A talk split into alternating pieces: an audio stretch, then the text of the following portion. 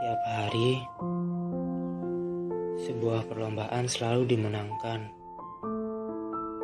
Para juara baru muncul, menghiasi segala layar yang ingin buru-buru aku abaikan. Lihat segala pencapaian itu, resep-resep diciptakan, karya-karya dipamerkan,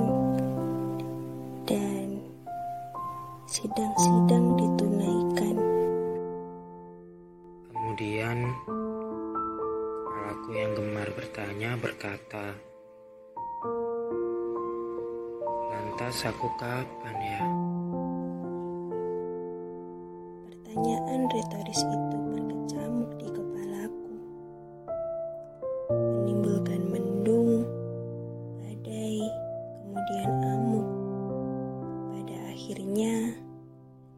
gerimis, ya, tangis. Gak apa-apa. Kenyataannya, hidup kan memang tidak pernah bermaksud menjadi perlombaan. Selalu ada yang lebih awal dari kita. Langkah kaki yang jenjangnya tak sama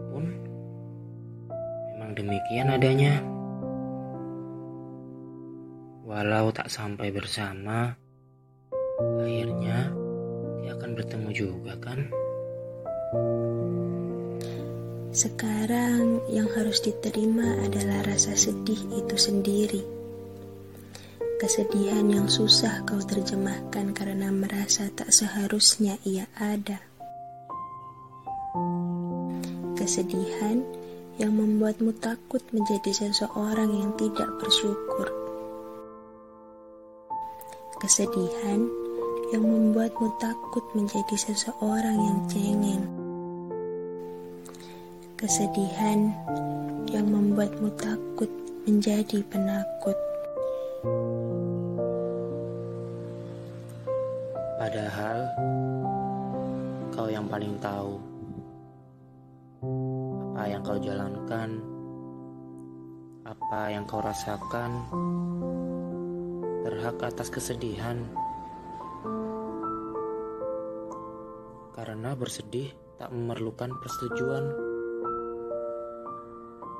Kesedihan tak memerlukan alasan. Kesedihan bukanlah perasaan yang harus dimusuhi.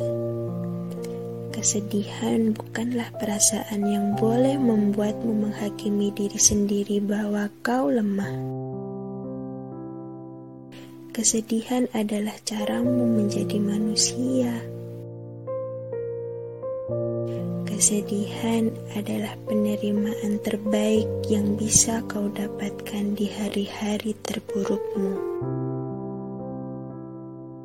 Jangan ingkari, sebab mengingkarinya hanya akan membuatmu berhenti. Lantas, pahami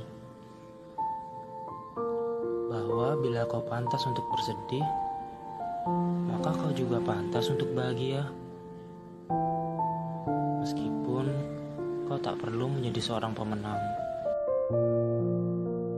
Sebab pada akhirnya, pada sebuah puisi Cairil Anwar ditambatkannya kata-kata, Hidup hanya menunda kekalahan, sebelum pada akhirnya kita menyerah.